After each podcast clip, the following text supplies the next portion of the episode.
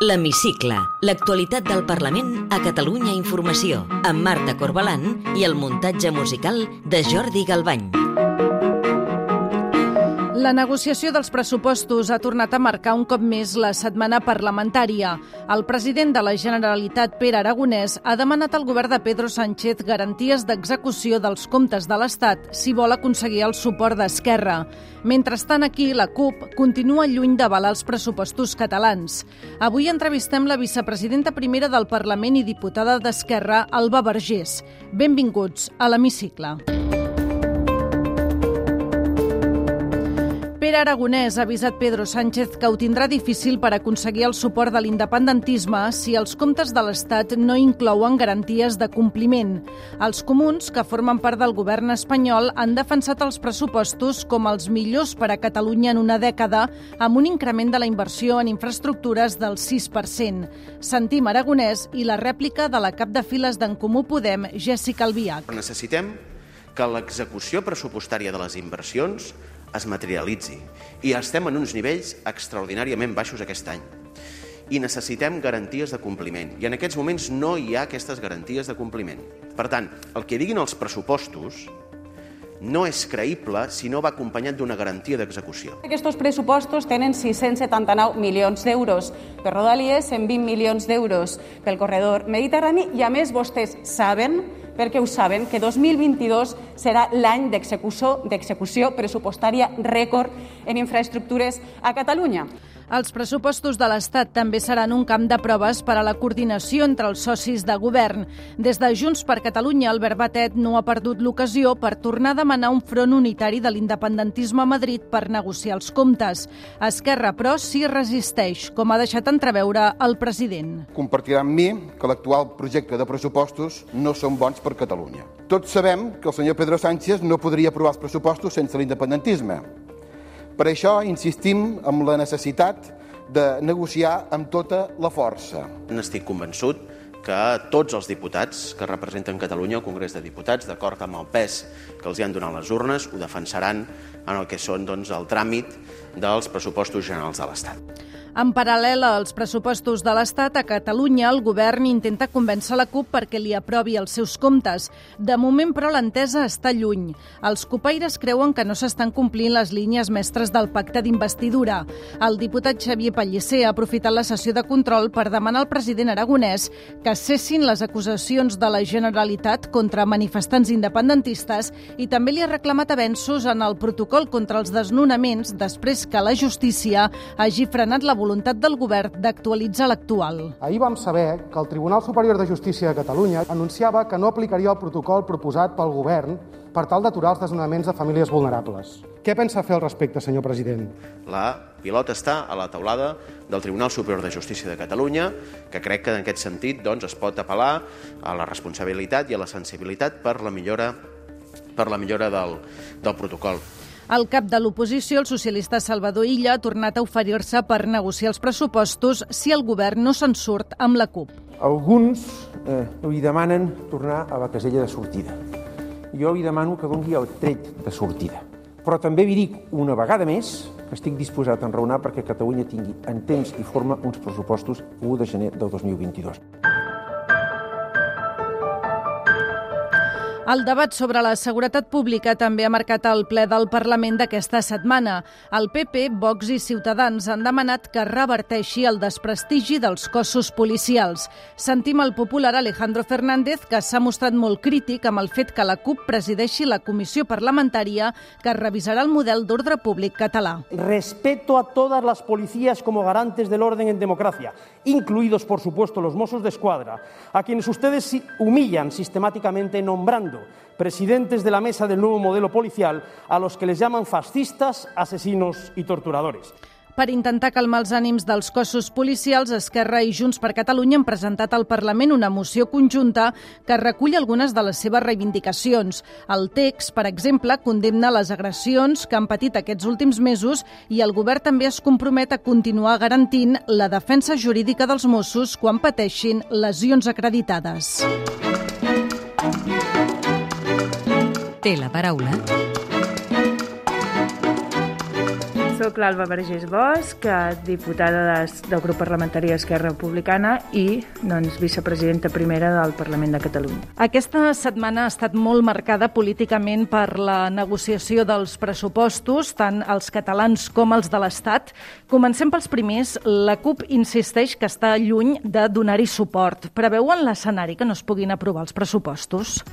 Nosaltres creiem que els pressupostos són una eina imprescindible per poder gestionar bé per part del Govern de la Generalitat de Catalunya doncs, aquests moments que tenen la seva complexitat i a ningú se li escapa doncs, que, que estem encara en pandèmia, però en aquesta, en aquesta sortida, amb reptes econòmics importants, amb reptes socials i amb un govern que ha deixat molt clara la seva agenda de, de transformació, d'aquesta transformació social, la verda, la feminista i la democràtica, que crec que el país eh, doncs no és només que ho digui el govern, sinó que el país necessita i per tant necessita recolzar-se d'aquests pressupostos. Per això penso que, que els, eh, els hauríem de poder aprovar en aquí en el Parlament de Catalunya, evidentment.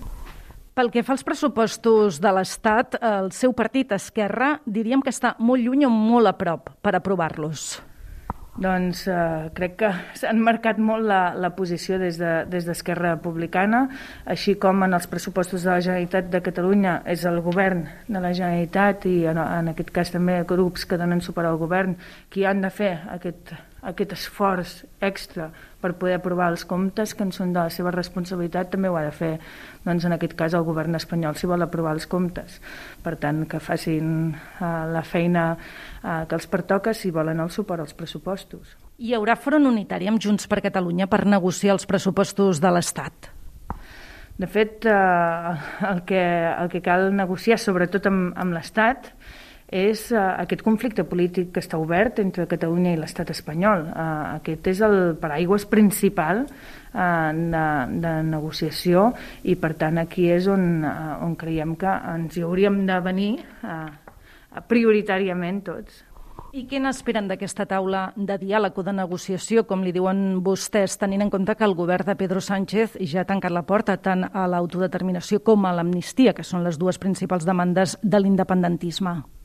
El que segur que no esperàvem és que en el primer dia eh, s'obrissin les portes de bat a bat a, a la proposta catalana i això és una evidència a qualsevol negociació. Si el primer dia estàs d'acord en donar un sí explícit a dues propostes que són molt clares, que és l'autodeterminació, l'exercici de l'autodeterminació, nosaltres creiem a través d'un referèndum, del vot directe de la ciutadania, i l'amnistia doncs, ja no estaríem en una, en una taula negociant, ja no estaríem parlant que, est que estem en un conflicte polític. És evident que estem en un conflicte polític.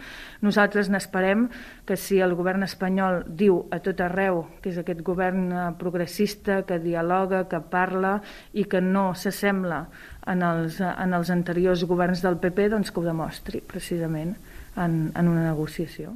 Centrem-nos ara en l'activitat del Parlament. Un dels deures pendents que té la cambra catalana des de fa molts anys és l'aprovació d'una llei electoral catalana. A iniciativa d'Esquerra es vol constituir aquesta legislatura, una ponència per fer-ho possible. Un dels principals esculls sempre ha estat el sistema electoral. Creu que aquesta ponència s'arribarà a constituir? No sé si tots els grups hi donen suport.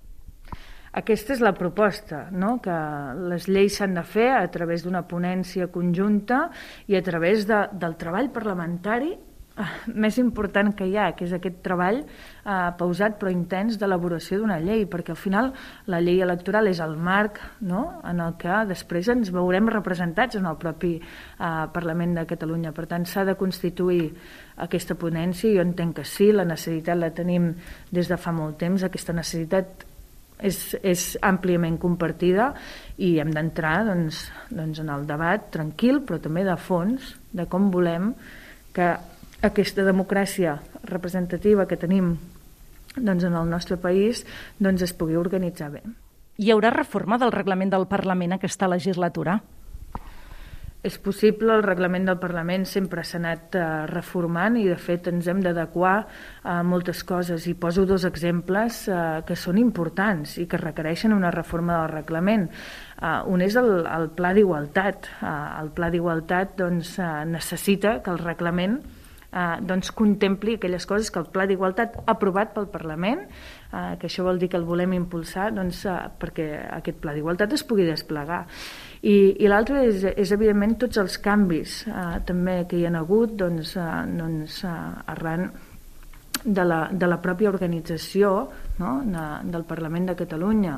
Uh, això vol dir que estem al 2021, tenim un reglament que a vegades no? respon uh, a, unes, a unes maneres de fer uh, doncs que s'han d'adequar i, i per tant sí, això seria important posar-ho en marxa, evidentment. Hi ha un altre eh, article del reglament, podríem dir mm, polèmic, que hi ha voluntat per part d'alguns grups de retocar-lo, que seria el que estableix que un diputat ha de deixar la seva acta en el cas que se li obri un judici oral per delictes vinculats amb la corrupció. Eh, és un dels objectius de la reforma del reglament? No, els objectius de la reforma del reglament eh, no poden ser mai només una, una cosa concreta eh, tal en aquesta legislatura, perquè estem dient que eh, s'ha d'abordar eh, doncs tot, no? eh, poder incloure els canvis necessaris en el pla d'igualtat i en tantes altres coses. Si volem un Parlament eh, més obert a la ciutadania, també això s'ha de veure contemplat en el reglament del Parlament, per tant no és parlar d'una cosa concreta i els grups polítics en tot cas eh, poden, poden anar fent propostes de qualsevol article que considerin, però s'haurà de debatre. Vostè és ara la vicepresidenta primera del Parlament, però eh, tothom la recordarà segurament per ser la consellera de la pandèmia de la Covid. Com a exconsellera de Salut, eh, creu que seria convenient aplicar el passaport Covid als llocs de treball com a incentiu per la vacunació? Per mi és molt més important la pedagogia d'explicar què ha significat eh, la protecció i la protecció doncs eh, pot venir eh, en primer lloc una protecció preventiva que és la vacuna i és per excel·lència, per tant ens ha anat molt bé eh, que no pas eh, mesures no, eh, d'obligació. Les mesures d'obligació i d'imposició sempre ha de ser l'últim recurs quan un context t'ho requereix molt. Vostè és partidària que es retiri la mascareta a les aules, a les escoles? Jo posaria molta calma, eh, seguir els consells, ja sé que tothom té molta, molta pressa, però fem-ho quan, quan realment eh, ens aconsellin eh, doncs que, no, que tenim, el risc zero no existeix, però que tenim, tenim moltes garanties de no haver d'anar enrere. Ens endinsem ara en el terreny més personal. Li demano si pot contestar a partir d'ara amb respostes com més breus millor. Vostè és llicenciada en Economia i enginyera tècnica en Informàtica de Gestió. Què hi fa en política? I faig en política el mateix que feia quan estudiava i, i quan, eh, doncs, eh, quan, quan he pogut eh, fer activitats doncs, per millorar la meva ciutat, per millorar el país. Al final ens dediquem a la política per això. Quin va ser el moment més dur de tota la gestió de la pandèmia? El moment d'impacte inicial, no? en el que ens adonem que la pandèmia realment eh, ja és aquí, que coincideix eh, amb, el, amb el tancament de la Conca d'Àdena. Vostè és una persona, podríem dir, tirada cap a la vestimenta amb colors cridaners. Té algun significat, això? Penso que el color eh, en la meva vida també eh, doncs m'ajuda a portar, a portar dies, m'ajuda a tenir una actitud eh, positiva. Cadascú el seu, no?, que diuen. Amb quin diputat o diputada que no sigui del seu grup compartiria una sobretaula distesa? Uh, per exemple, amb el meu company de mesa, el Pau Jubillà, que no, és de, que no és del meu grup. I ja per acabar, completi la frase següent. El que més m'agradaria del món és... Tenir més temps. Alba Vergés, vicepresidenta primera del Parlament i diputada d'Esquerra, gràcies per atendre'ns a l'hemicicle de Catalunya Informació. Gràcies a vosaltres.